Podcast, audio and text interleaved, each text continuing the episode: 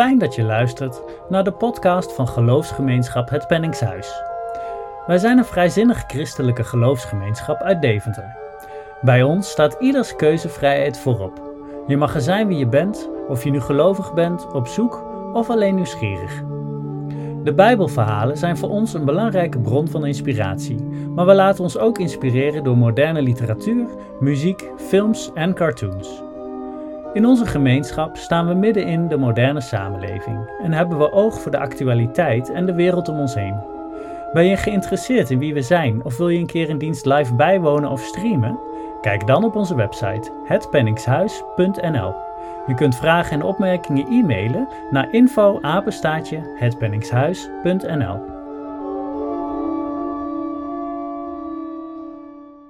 Goedemorgen. Wat fijn dat u aanwezig bent in deze dienst van geloofsgemeenschap Het Penningshuis.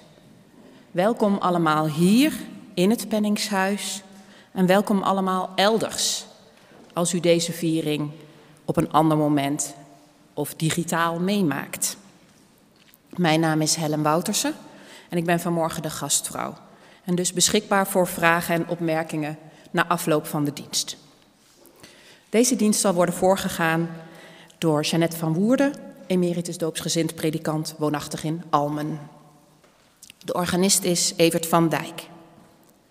De collecte zal zijn voor COC Deventer en omstreken en deze keer worden toegelicht door Ariane Rowell. Fijn dat jullie er ook zijn, Jasper en Linnea. Jullie gaan straks met Martine naar de Witte Veenkamer voor het knutselverteluur. Voor de volgende mededelingen wil ik u verzoeken voor zover mogelijk te gaan staan.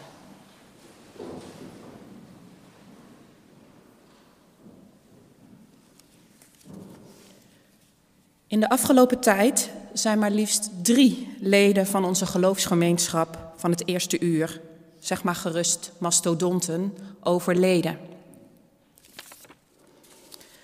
Op 5 februari overleed in de leeftijd van 86 jaar mevrouw Kronenberg ter Meulen. Zij was lid van onze vereniging en van de Remonstrantse Broederschap. Zij kon in verband met met name mentale achteruitgang sinds 2022 niet meer alleen wonen en was verhuisd naar Huizen Salland. Haar afscheid vond plaats op 14 februari. Alleen met het hart kun je goed zien. Het wezenlijke is voor de ogen onzichtbaar, stond er op haar kaart. Een dag na haar 88ste verjaardag is afgelopen woensdag Marianne Zorgedrager van Halewijn overleden. Lid van onze geloofsgemeenschap en van de Remonstrantse gemeente Deventer. Ze kwam al een tijd veel minder in de kerk. Ook al omdat het na haar bijna fatale longontsteking in 2022 lang duurde voor ze weer de oude Marianne was. Echter, er was altijd een gedicht van haar hand in het PH, zoals we ons blad vaak noemen. En wat zal het gek zijn dat daar nu een einde aan komt. Ze zal door velen gemist worden. Het mag een fijne gedachte zijn dat zij niet bang was voor de dood, maar, spiritueel als ze was, ervaren heeft dat er helpers aan de andere kant zijn.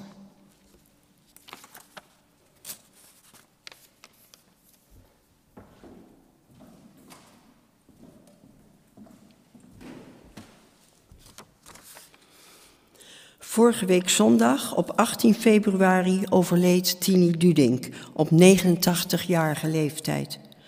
Ze werd onverwacht opgenomen in het ziekenhuis, waar na enkele dagen bleek dat herstel niet meer mogelijk was. We zullen eraan moeten wennen dat de plaats naast Betty leeg blijft, hoewel nu gelukkig niet. Uh, Tini was begaan met het lot van mensen binnen en buiten de geloofsgemeenschap. Tot, ze voor, tot vorig jaar was ze nog lid van de contactledengroep, ook al zat haar fysieke gezondheid haar in de weg. Het is de wens van de familie om haar uitvaart in besloten kring te laten plaatsvinden. Om toch als geloofsgemeenschap uiting te kunnen geven aan ons gemis van Tini als persoon, maar ook om uiting te geven aan onze dankbaarheid voor wat ze betekend heeft, zowel binnen als buiten onze geloofsgemeenschap, dachten we als contactgroep dat we dit als geloofsgemeenschap het beste kunnen doen door onze collecte van vandaag te bestemmen voor een organisatie waarvoor Tini zich heeft ingezet. Dat is het, de COC-afdeling Deventer geweest. Tijdens een bezoek bij Tini vertelde ze mij dat ze in haar werk als kraamverzorgster regelmatig met seksuele problematiek werd geconfronteerd. In dat gesprek noemde ze ook dat ze zich heeft ingespannen voor de oprichting van een COC-afdeling in Deventer. Maar omdat ik niet meer scherp had hoe ze nu precies uh, bij die organisatie dan terecht was gekomen, leverde een rondgang bij gemeenteleden, waarvan ik hoopte dat ze me verder konden brengen, het volgende op. Door het geconfronteerd worden met problemen rondom seksualiteit zijn Tini en haar man via de Nederlandse Vereniging voor Seksuele Vrijheid, wat de meesten van ons nog wel zullen kennen onder de afkorting NVSH, seksuele voorlichting gaan geven. Ook werd ik gewezen op het verband tussen de NVSH en het COC. Zoekend in het archief van, het, van de COC-afdeling Deventer vond ik de zinsnede. Hoe blij waren ze dan ook met de reactie uit Deventer, dat, uh, misschien, dat daar misschien iets viel te ontwikkelen. En dan staat er iets verder. Toen ging opeens alles heel snel. De NVSH-afdeling Deventer en de COC-afdeling Arnhem besluiten om samen een advertentie te plaatsen om zo mensen op te roepen voor een praatavond. De datum voor die bewuste avond was vastgelegd op woensdag 8 maart 1972 en plaats van handeling werd het wijkgebouw De Kartuut in de Deventerwijk Keizerslanden. Helemaal zeker weet ik het niet, maar het lijkt wel heel waarschijnlijk dat Tini aan de wieg stond van de oprichting van een COC-afdeling in Deventer. Het past in ieder geval wel voor iemand die seksuele vrijheid hoog in het vaandel heeft staan. Dus vandaar vandaag de collecte voor COC Deventer en omstreken. De nagedachtenis van Antini zij ons tot zegen.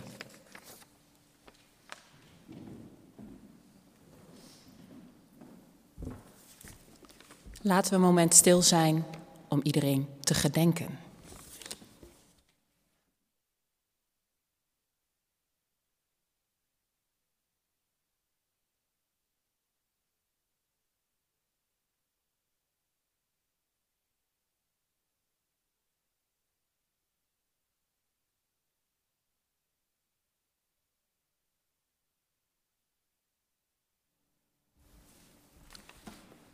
Dank u wel.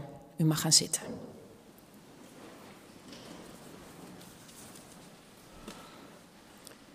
Dan is nu de tijd gekomen om de Bijbel te openen en de kaarsen te ontsteken.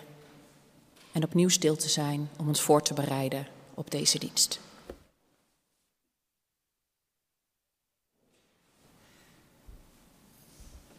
Ik wens ons allen een goede dienst.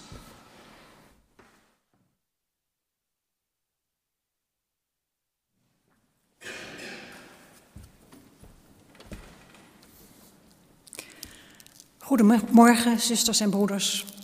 We beginnen ons samen zijn met het zingen van lied 868, vers 1 en 2. En na de bemoediging het derde couplet van lied 868.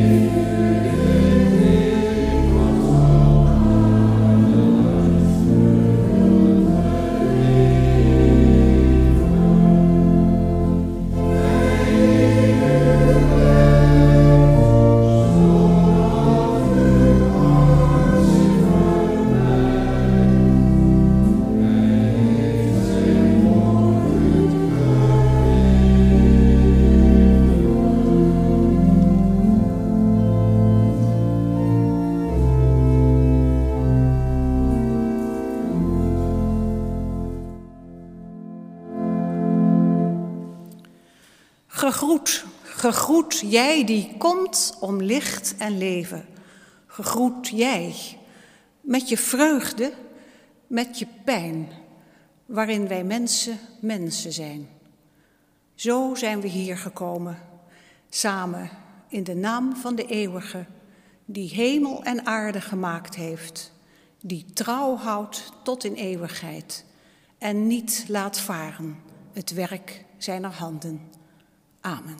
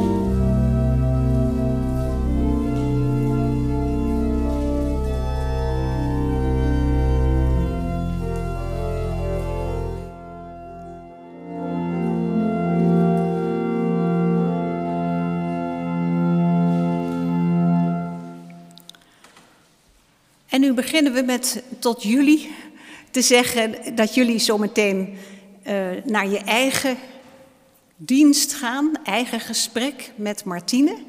En ik heb al begrepen dat jullie over spannende vragen met elkaar gaan praten. Het gaat over filosofie, moet u weten, filosofie voor kinderen. En wij gaan het straks hebben over een stuk uit de Bijbel, maar ook over een aantal gedichten. En nu gaan we eerst nog met elkaar een lied zingen wat ook aan iedereen is uitgedeeld.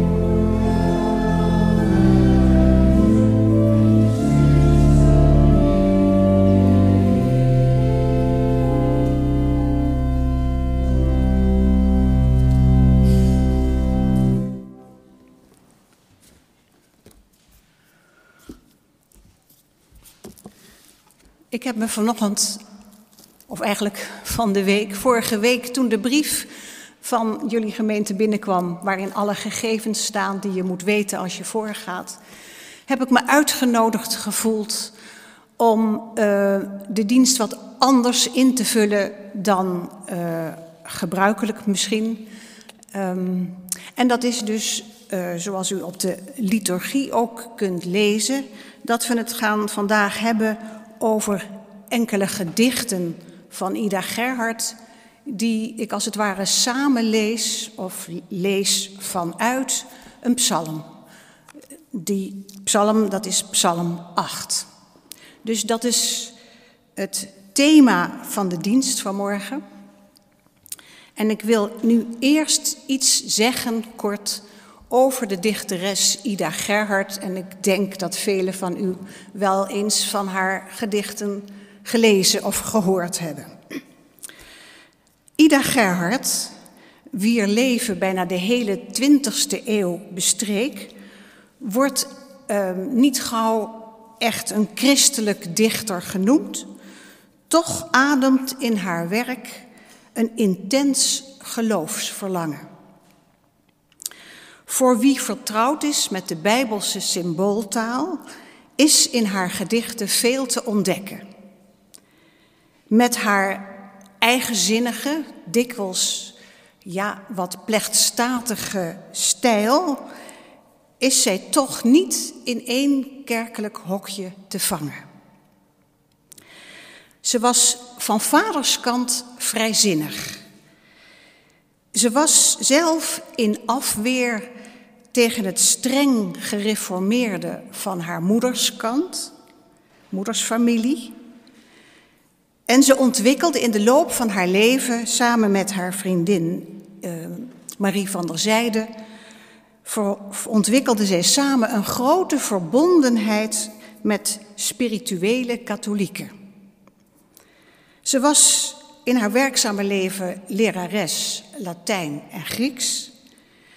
En toen ze gepensioneerd waren, Marie en zij, gingen ze samen Hebreeuws studeren om het Joodse liedboek van de psalmen te kunnen vertalen.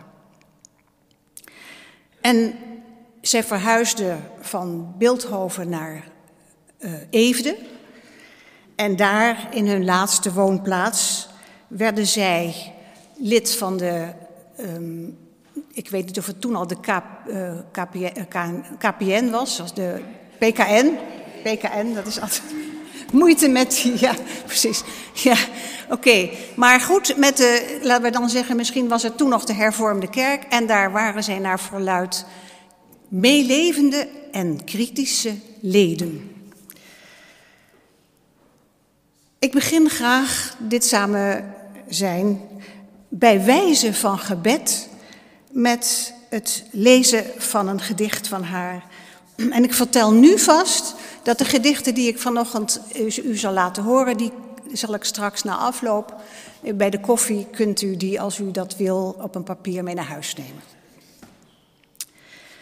Het gedicht heet Onder Vreemden en het, um, het is een gedicht waarin we een kind zien een kind dat anders is dan anderen. Zo voelt het kind zich. Het is best aangrijpend. Of is het een kleine vluchteling die hier alleen is gekomen, een mensenkind dat zich ergens anders thuis voelt? Of is het de dichteres zelf die zich niet thuis voelt in een dikwijls vrede wereld en weet heeft van een ander vaderland en daarnaar uitziet met een onuitroeibaar verlangen. En we lezen dit gedicht hier als een soort Kyrie, een lied van verlangen naar de Vader met een hoofdletter, naar het eeuwig licht, God van vrede. Onder vreemden. Het speelt het liefste ver weg op het strand. Het kind dat nooit zijn eigen vader ziet, die over zee is in dat andere land. Het woont bij vreemden en het wendt er niet. Ze fluisteren erover met elkaar.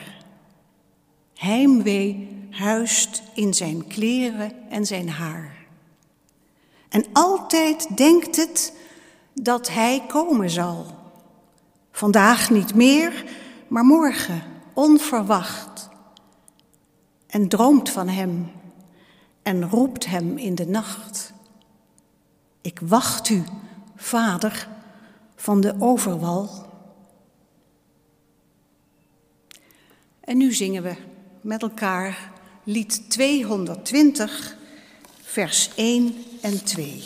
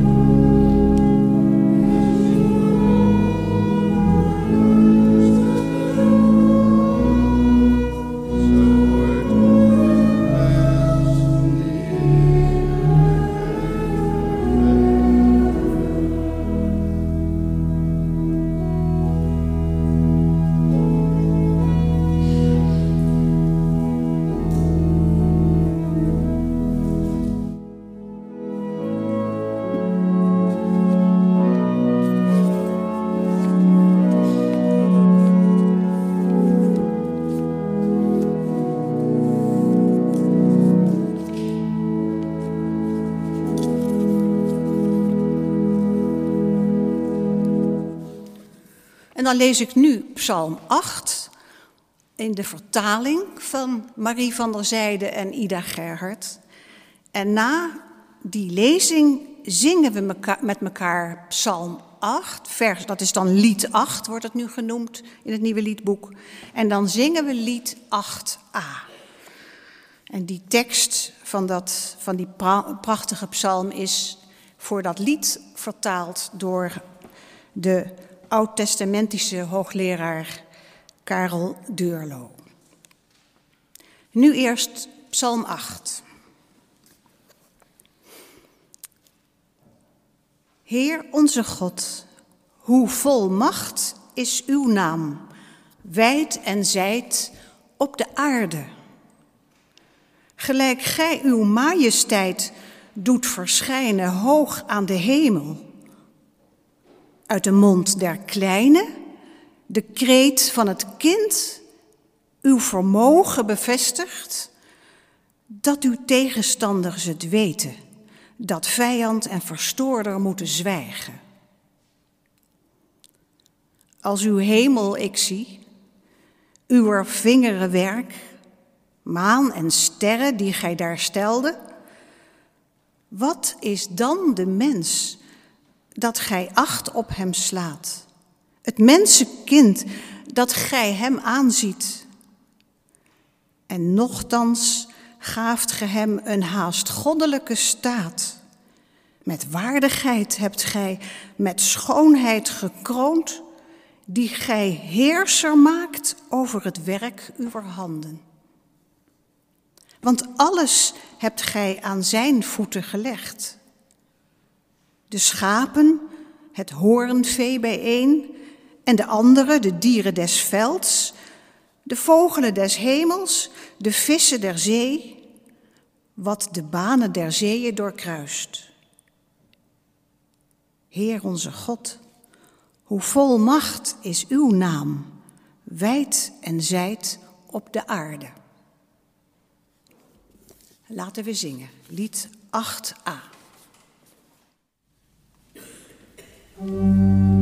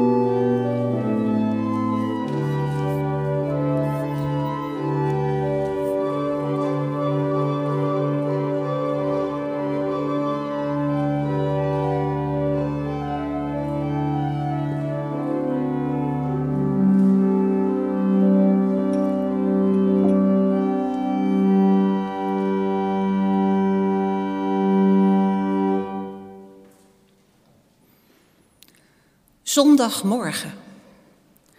De zon begint met muntjes licht te spelen op het beddenlaken. De dag is argeloos van gezicht en stemmen in het huis ontwaken. De aanslag van een zachte lach en van een kind het pril geschater op de ondertoon van plonzend water. Zij heft het naar een nieuwe dag. Wat een gave om zo in alle eenvoud in een huiselijk tafereeltje op zondagmorgen de goedheid van het leven te verbeelden. Met muntjes licht die op het beddenlaken spelen. En een klein kindje, kraaiend van plezier in haar badje. Zij heft het naar de nieuwe dag. De nacht, hoe die ook was, is voorbij. Een nieuwe dag. Een klein scheppingsliedje lijkt dit gedicht van Ida Gerhard wel. Een klein scheppingslied. De zonneplekjes op het laken. God zei, er moet licht komen. En er was licht. God zag dat het licht goed was. Zo klinkt de vreugde om het licht op de eerste bladzijde van de Bijbel in Genesis 1. Het scheppingsverhaal waarin uiteindelijk de mens zijn plaats wordt gewezen te midden van alles wat er is in die schepping. De dieren, het gevogelte van de hemel, de vissen van de zee. En het zijn ook precies diezelfde ingrediënten uit Genesis 1 die we aantreffen in de psalm, psalm 8 van vanmorgen. In die psalm is een ik aan het woord die zich met diepe verwondering rekenschap geeft van haar eigen situatie. In een lied waarin ontzag klinkt voor al wat is, het grootste, en waarin hij zich aangeraakt weet door de eeuwige. Gij, God, hoe heerlijk is uw naam op de aarde, wijd en zijd. U van wiens majesteit het zingt langs de hemel. Een opvallende volgorde. Eerst wordt de aarde genoemd en dan pas de hemel. Maar het zal in deze psalm dan ook over de aarde gaan, over de mens die daar op die aarde is neergezet. Kenmerkend voor die God waarin de psalm, waarover de psalm het heeft, is in heel de Bijbel dat deze God zegt dat hij een bevrijder is en dat hij het opneemt, opnemen wil voor al wat klein, voor wat kwetsbaar is.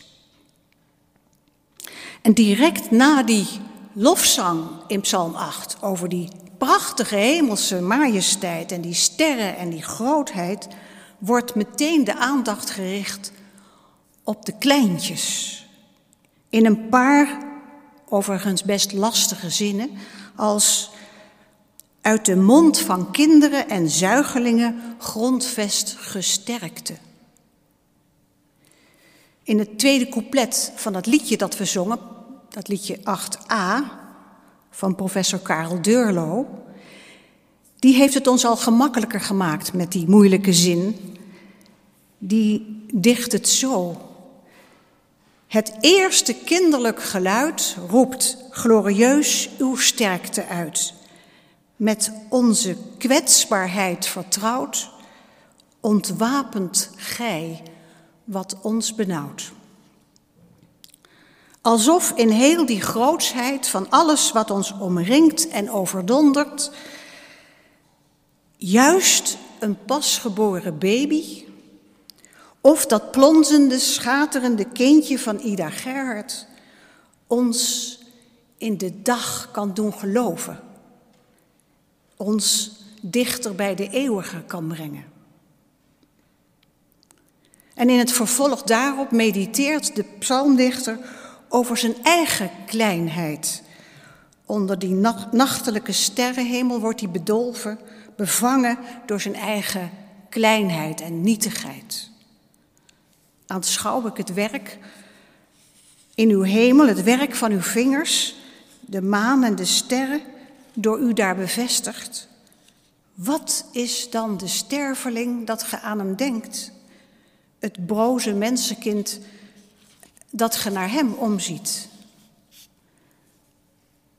God, gij hebt hem bijna goddelijk gemaakt, met glorie en luister gekroond en het werk van uw handen toevertrouwd. Alles hebt ge onder zijn voeten neergelegd. God wilde God zijn van dat nietige mensje. Die tilt die op tot bijna goddelijk zijn, maar wat wil die verheffing zeggen, dat goddelijk gemaakt worden? Het is de bijbelse gedachte van de mens als schepsel naar Gods beeld en gelijkenis. En die heeft niets te maken met status en macht die de ene mens boven de andere zou verheffen. Nee, dat is een appel.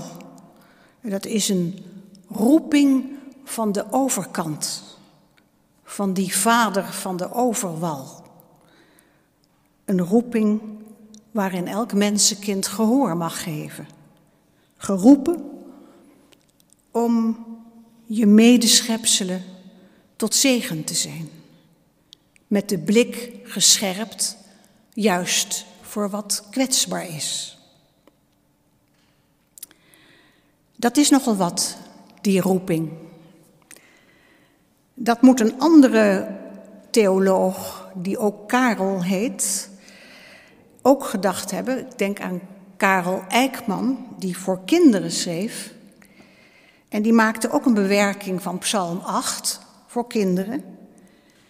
En in zijn boek Met open ogen, 100 Bijbelse gedichten, is die Psalm 8 ook te vinden. En hij laat een kind van nu, vanuit zomaar een stad, in zomaar een land aan het woord. En dat wil ik u ook voorlezen. Dat kind, dat zegt, wie ben ik?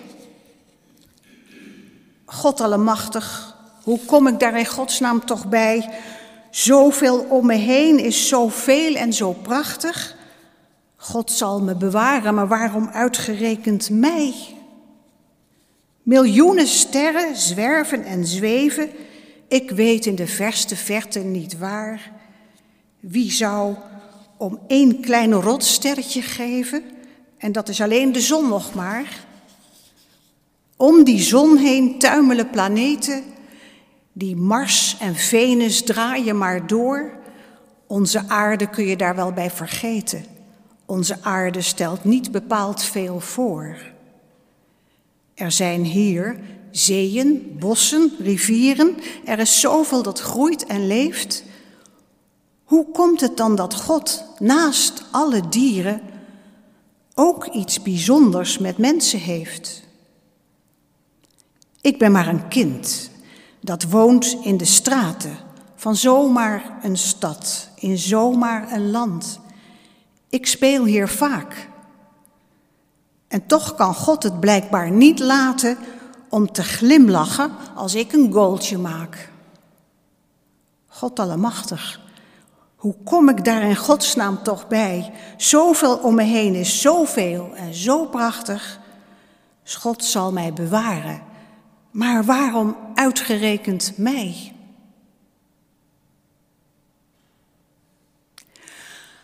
En nu wil ik u een paar gedichten van Ida Gerhard voorleggen, die voor mijn gevoel dat thema van Psalm 8 weerspiegelen. En dan gaat het om die nietige mens waarvan alles op aan te merken is. Ik denk dat u dat gevoel ook hebt als u die psalm hoort. Die nietige mens die zoveel kapot maakt. Die, en toch, en toch met een God gegeven opdracht om er te zijn. Het gaat om de aandacht er te zijn voor juist het kleine waarin de goddelijke levensadem voelbaar wordt. En dan begin ik van Ida Gerhard allereerst te lezen het gedicht Je Winter. Want daarin is ook sprake van een kosmische ervaring. De dichteres voelt zichzelf in het heelal als een nieteling. Winter. De sterren wintertintelen en de maan doorschijnt de melkwegnacht. Het kraakt van sneeuw op de aarde waar ik ga. Een nieteling, een ademwit, een ademdamp van liefde en poëzie. Hier ook die dubbele beweging. Enerzijds je bevangen voelen door een besef van kleinheid en niets, niets, nietigheid, waarin je toch niet wordt weggeblazen.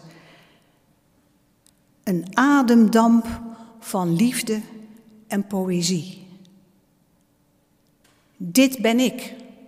Van en voor de poëzie, zegt Ida Gerhard. En die liefde, die ademdamp van liefde,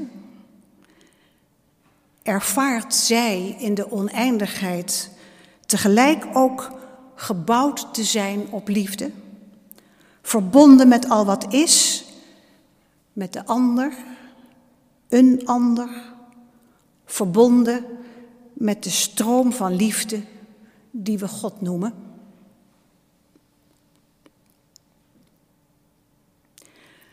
In veel gedichten van Ida Gerhard speelt de natuur een rol.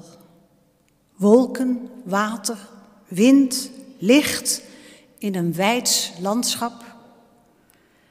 En ook plant en dier in kleinere omgeving.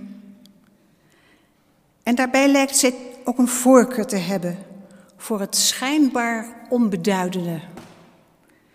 Een voorbeeld van die aandacht, ook weer voor het weerloze, vind ik in een gedicht dat heet Het Egeltje. De egel komt in het eendere schemeruur schuifelen langs de plavuizen van de schuur. De ademsporen van zijn spitse snuit gaan op de kille stenen aan en uit. Omtrent de stille mens, die met geduld zijn schuwheid wendt en de aarde schotel vult en wacht totdat een kleine, ruige hand zich tastend vastgrijpt aan de schotelrand. Dan drinkt het dier, even als in verstaan zien twee bevredigden elkander aan. Ook hier verbondenheid in het kijken en in het beschrijven van dit kleine dier, als het ware het leven vieren. Maar er is ook een andere kant. Dit oog hebben voor de natuur. Het was haast logisch dat Geida Gerhard al vroeg ten strijde trok tegen alles wat die natuur bedreigde. In de tijd van de wederopbouw, van industrialisatie, de tijd na de oorlog, schreef zij bepaald maatschappijkritische poëzie. Niks lieflijk, maar fel schreef ze over de schade die aan het landschap wordt toegebracht. Hoor maar naar een vers uit de jaren zeventig. Ook aandacht voor het onaanzienlijke en met humor. Dit gedicht heet lof van het onkruid. God lof dat onkruid niet vergaat. Het nestelt zich in spleet en steen en breekt door beton en asfalt heen, bevolkt de voegen van de straat. Achter de stoomwals valt weer zaad. De berenklauw grijpt om zich heen. En waar een bom zijn trechter slaat, is straks de distel algemeen. Als hebzucht alles heeft beslecht, geslecht, straalt het klein hoefblad op de vaalt en wordt door brandnetels vertaald. Gij, die miljoenen hebt ontrecht, zij komen, uw berekening faalt. Het onkruid wint het laatste gevecht.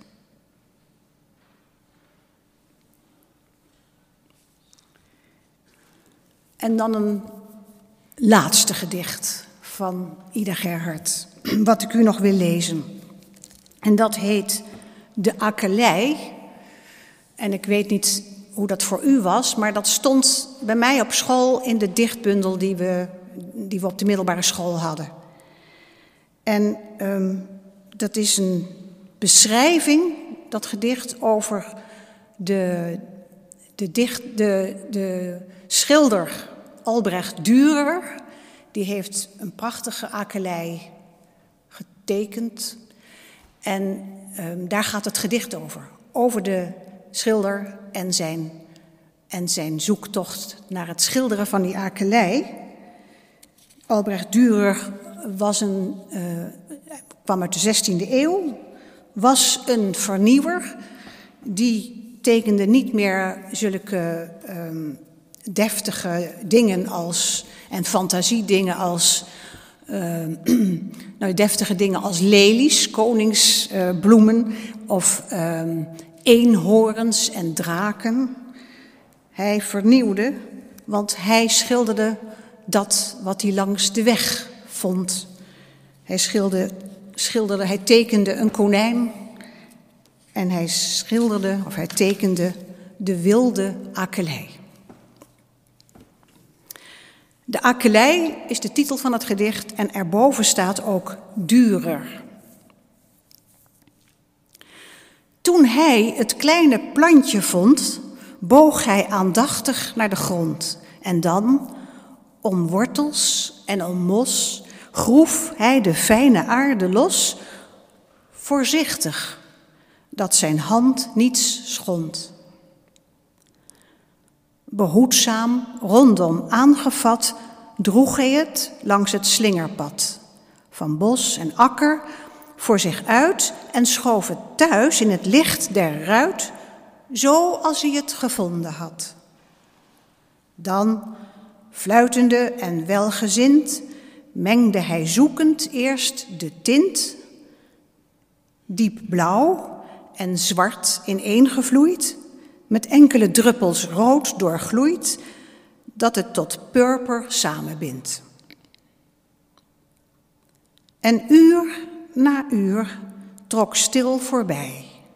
Zo diep verzonken werkte hij dat het hem soms was of zijn hand de vezels tastte van de plant, zo glanzend kwam de omtrek vrij totdat het gaaf te prijken stond. De wortels scheemderen afgerond, het uitgesprongen groene blad scherp in zijn karteling gevat tegen de lichte achtergrond. De bloemkroon purperviolet, de hokjes om het hartgebed en boven de geknikte steel de honingsporen het juweel vijfvlakkig, kantig neergezet. In het vallend donker toefde hij nog dralend bij zijn akelei. Dan, in het laatste licht van het raam, schreef hij de letters van zijn naam. en het jaartal glimlachend erbij.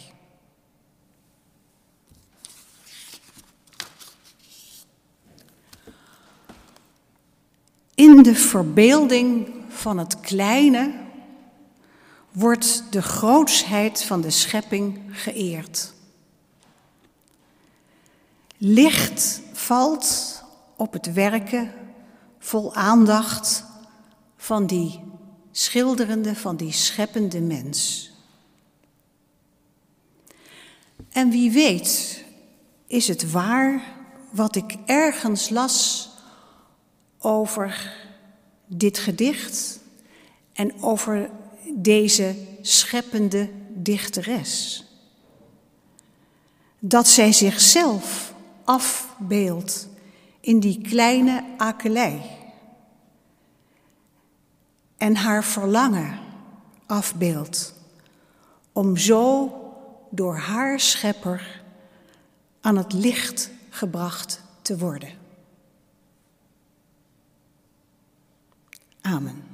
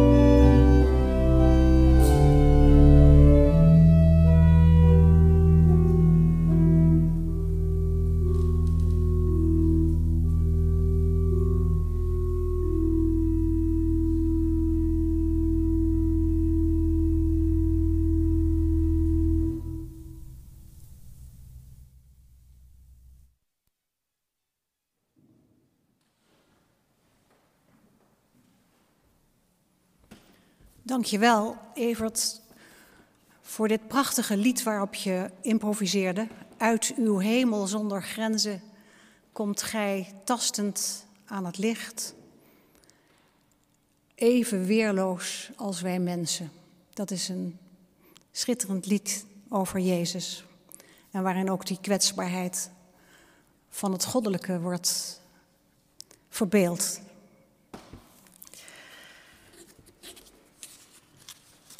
Laten we samen bidden.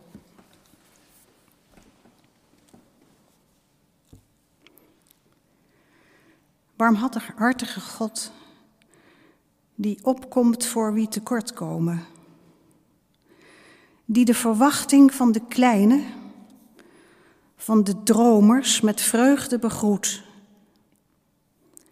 die troost biedt aan wie getekend zijn door verdriet. Spreek uw woord dat verbindt en helen wil in de harten van mensen zoals wij. Geef ons de kracht van de weerstand en een lange adem tegen wat, al wat onze wereld en ons leven bedreigt. En wij danken u voor de mensen overal in wie u zichtbaar wordt. We danken u voor woorden van troost, voor stille nabijheid. En we vragen, wijs ons toch een weg om te gaan. Wijs ons toekomst als we niet meer kunnen geloven en schenk nieuw vertrouwen. Zo bidden wij, aangevuurd door uw geest van liefde, vandaag en alle dagen. En wil bij ons zijn in de stilte waarin ieder van ons zegt of denkt of fluistert wat een ander niet voor ons kan zeggen.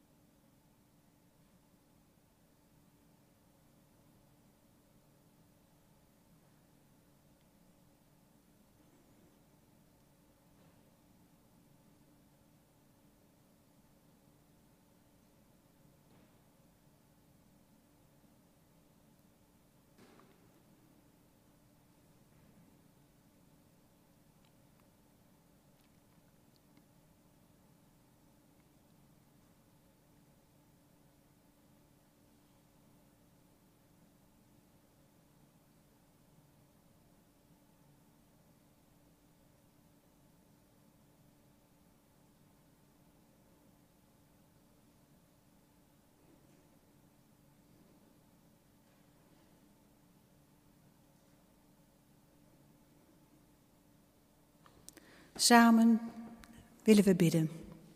Onze Vader die in de hemel zijt, uw naam worden geheiligd, uw koninkrijk komen, uw wil geschieden, gelijk in de hemel, alzo ook op aarde.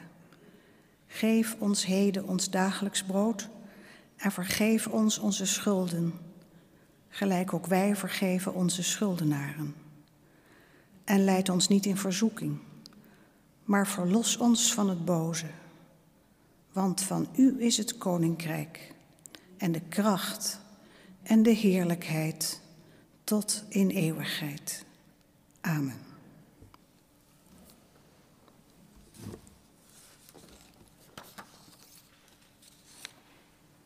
Dan is het nu de gelegenheid voor jullie, u, om iets te zeggen het is open ruimte.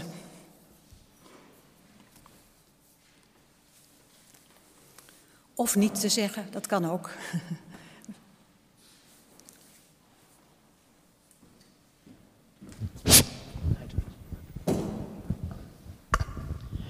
Ja, ik vond het een prachtig thema om uh, de gedichten van Ida Gerhardt uh, als leidraad voor de overdenking te nemen. En haar gedicht ook prachtig, maar ik merk dat die van Karel Eijkman me ook heel erg aansprak. Dat is uh, ja, fantastisch. Dit, een beetje straattaal en dan dat ook te verheffen tot, ja, tot iets heel moois. Tenminste, dat ja. wou ik kwijt.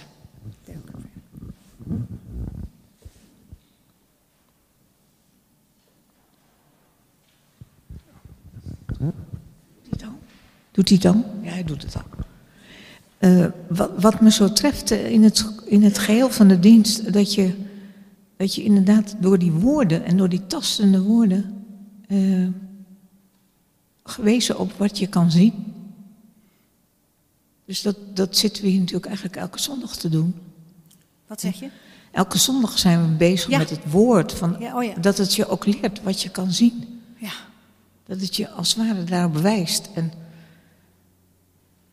Eigenlijk wat, ook, wat mij opviel, uh, uh, die tekst die op de rouwkaart van, uh, ik weet niet meer wie, maar stond ook over het zien van het onzienlijke of zoiets, ja. ja. ja.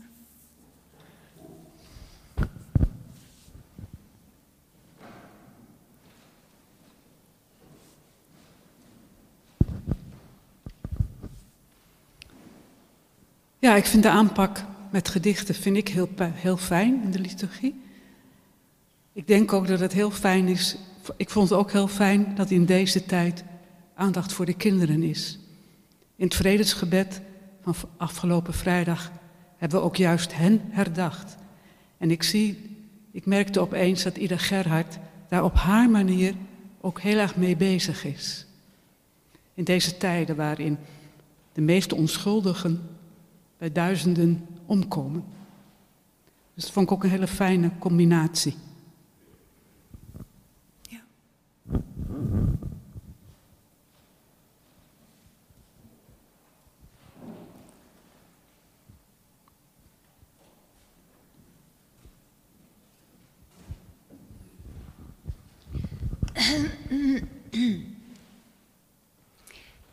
Ja, ik denk dat iedereen het zo gevoeld heeft. Uh, u gaf mooi de kwetsbaarheid en de oneindigheid van het mysterie aan. En uh, ja, ook uw gebed vond ik prachtig. Dank u wel.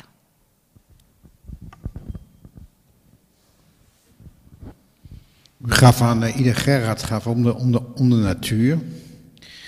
En ik werkte ooit eens een keer op een uh, zorgenboerderij en ik was het gras aan het maaien op het land. En met, met een grasmaaier, met een trekkertje. En de zon die scheen en er was een beetje nevel. En het was net of ik het gevoel kreeg van ik ben in de Hof van Eden. Ik zag bos, ik zag gras, ik zag uh, vogels, ik zag... En toen dacht ik, dit is een godservaring. Ja, dank.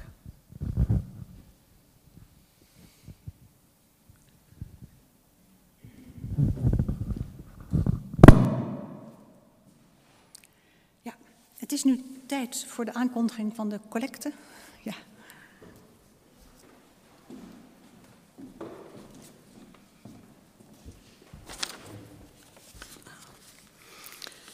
Ja, in verband dus met het ingebrachte collectedoel van deze zondag is mij gevraagd een toelichting te geven op de activiteiten van het COC. Ehm, kort iets over de ontstaansgeschiedenis. Ik vond dat zelf toch wel interessant eigenlijk om dat weer te zien toen ik het gisteren allemaal nakeek. Het COC werd in 1946 opgericht onder de naam Shakespeare Club. De organisatie kwam voort uit de levenskring van het tijdschrift Levensrecht. Dit blad voor homoseksuelen verscheen sinds maart 1940, maar ging al snel ondergronds wegens het uitbreken van de Tweede Wereldoorlog. In 1949 werd de Shakespeare Club omgedoopt tot het Cultuur- en Ontspanningscentrum, ofwel het ons nu bekende COC. Het COC vecht voor mensen met de lesbische, homo, biseksuele, transgender, queer, interseksuele en aseksuele identiteit. En het COC doet dit door middel van de organisatie van een grote diversiteit van activiteiten voor diverse groepen binnen onze samenleving. En dan in relatie tot de LHBTQIA plus uh, identiteit. Dan. En te denken dan aan mensen die asiel zoeken hier in Nederland en ook vanwege hun geaardheid hier naartoe gevlucht zijn personen met een verstandelijke beperking, doven en slechthorenden, mensen met autisme en mensen met diverse culturele achtergronden, jongeren, 50-plussers. Dit is wat ik allemaal zag op de, uh, op de website, dus het zal ook breder zijn. Maar daarnaast natuurlijk ook het uitbrengen van een nieuwsbrief en publicaties en stemadviezen over standpunten van politieke partijen op het gebied van regenboogpolitiek, zodat mensen ook zelf invloed uit kunnen uitoefenen. Zoals u hoort, dus heel veel activiteiten waarvoor behalve vrijwilligers ook financiële bijdragen nodig zijn. En gezien de ontwikkeling in het eh, buitenland en zeker ook in ons land, is het steunen van deze organisatie van groot belang. Met uh, mede ter nagedachtenis aan Tini hopen we op gulle gaven. Dank u.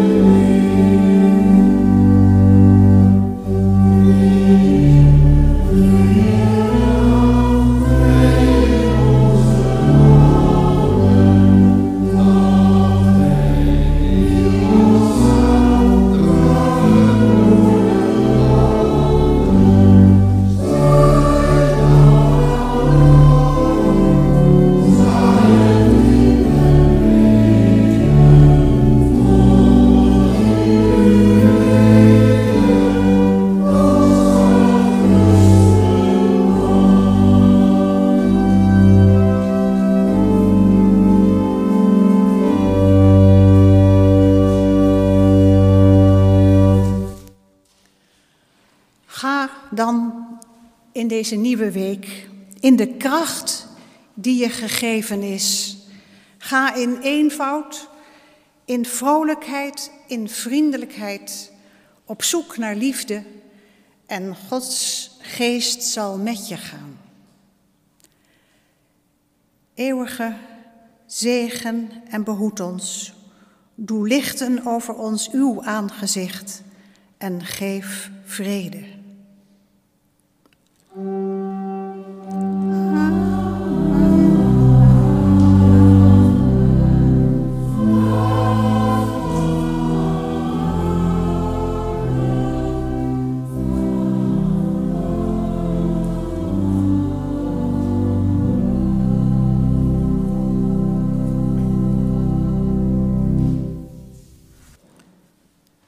Hebben de Bijbel gesloten en de kaarsen gedoofd, maar we nemen het woord en het licht mee de wereld in.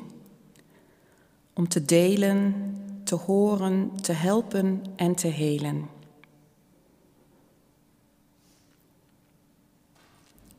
De bloemen uit deze dienst had ik willen geven aan Nico, aan Tineke, aan Ariane, aan Marijke, aan bijna iedereen. Maar ze gaan mee met Betty en staan daar voor iedereen. Een goede zondag gewenst.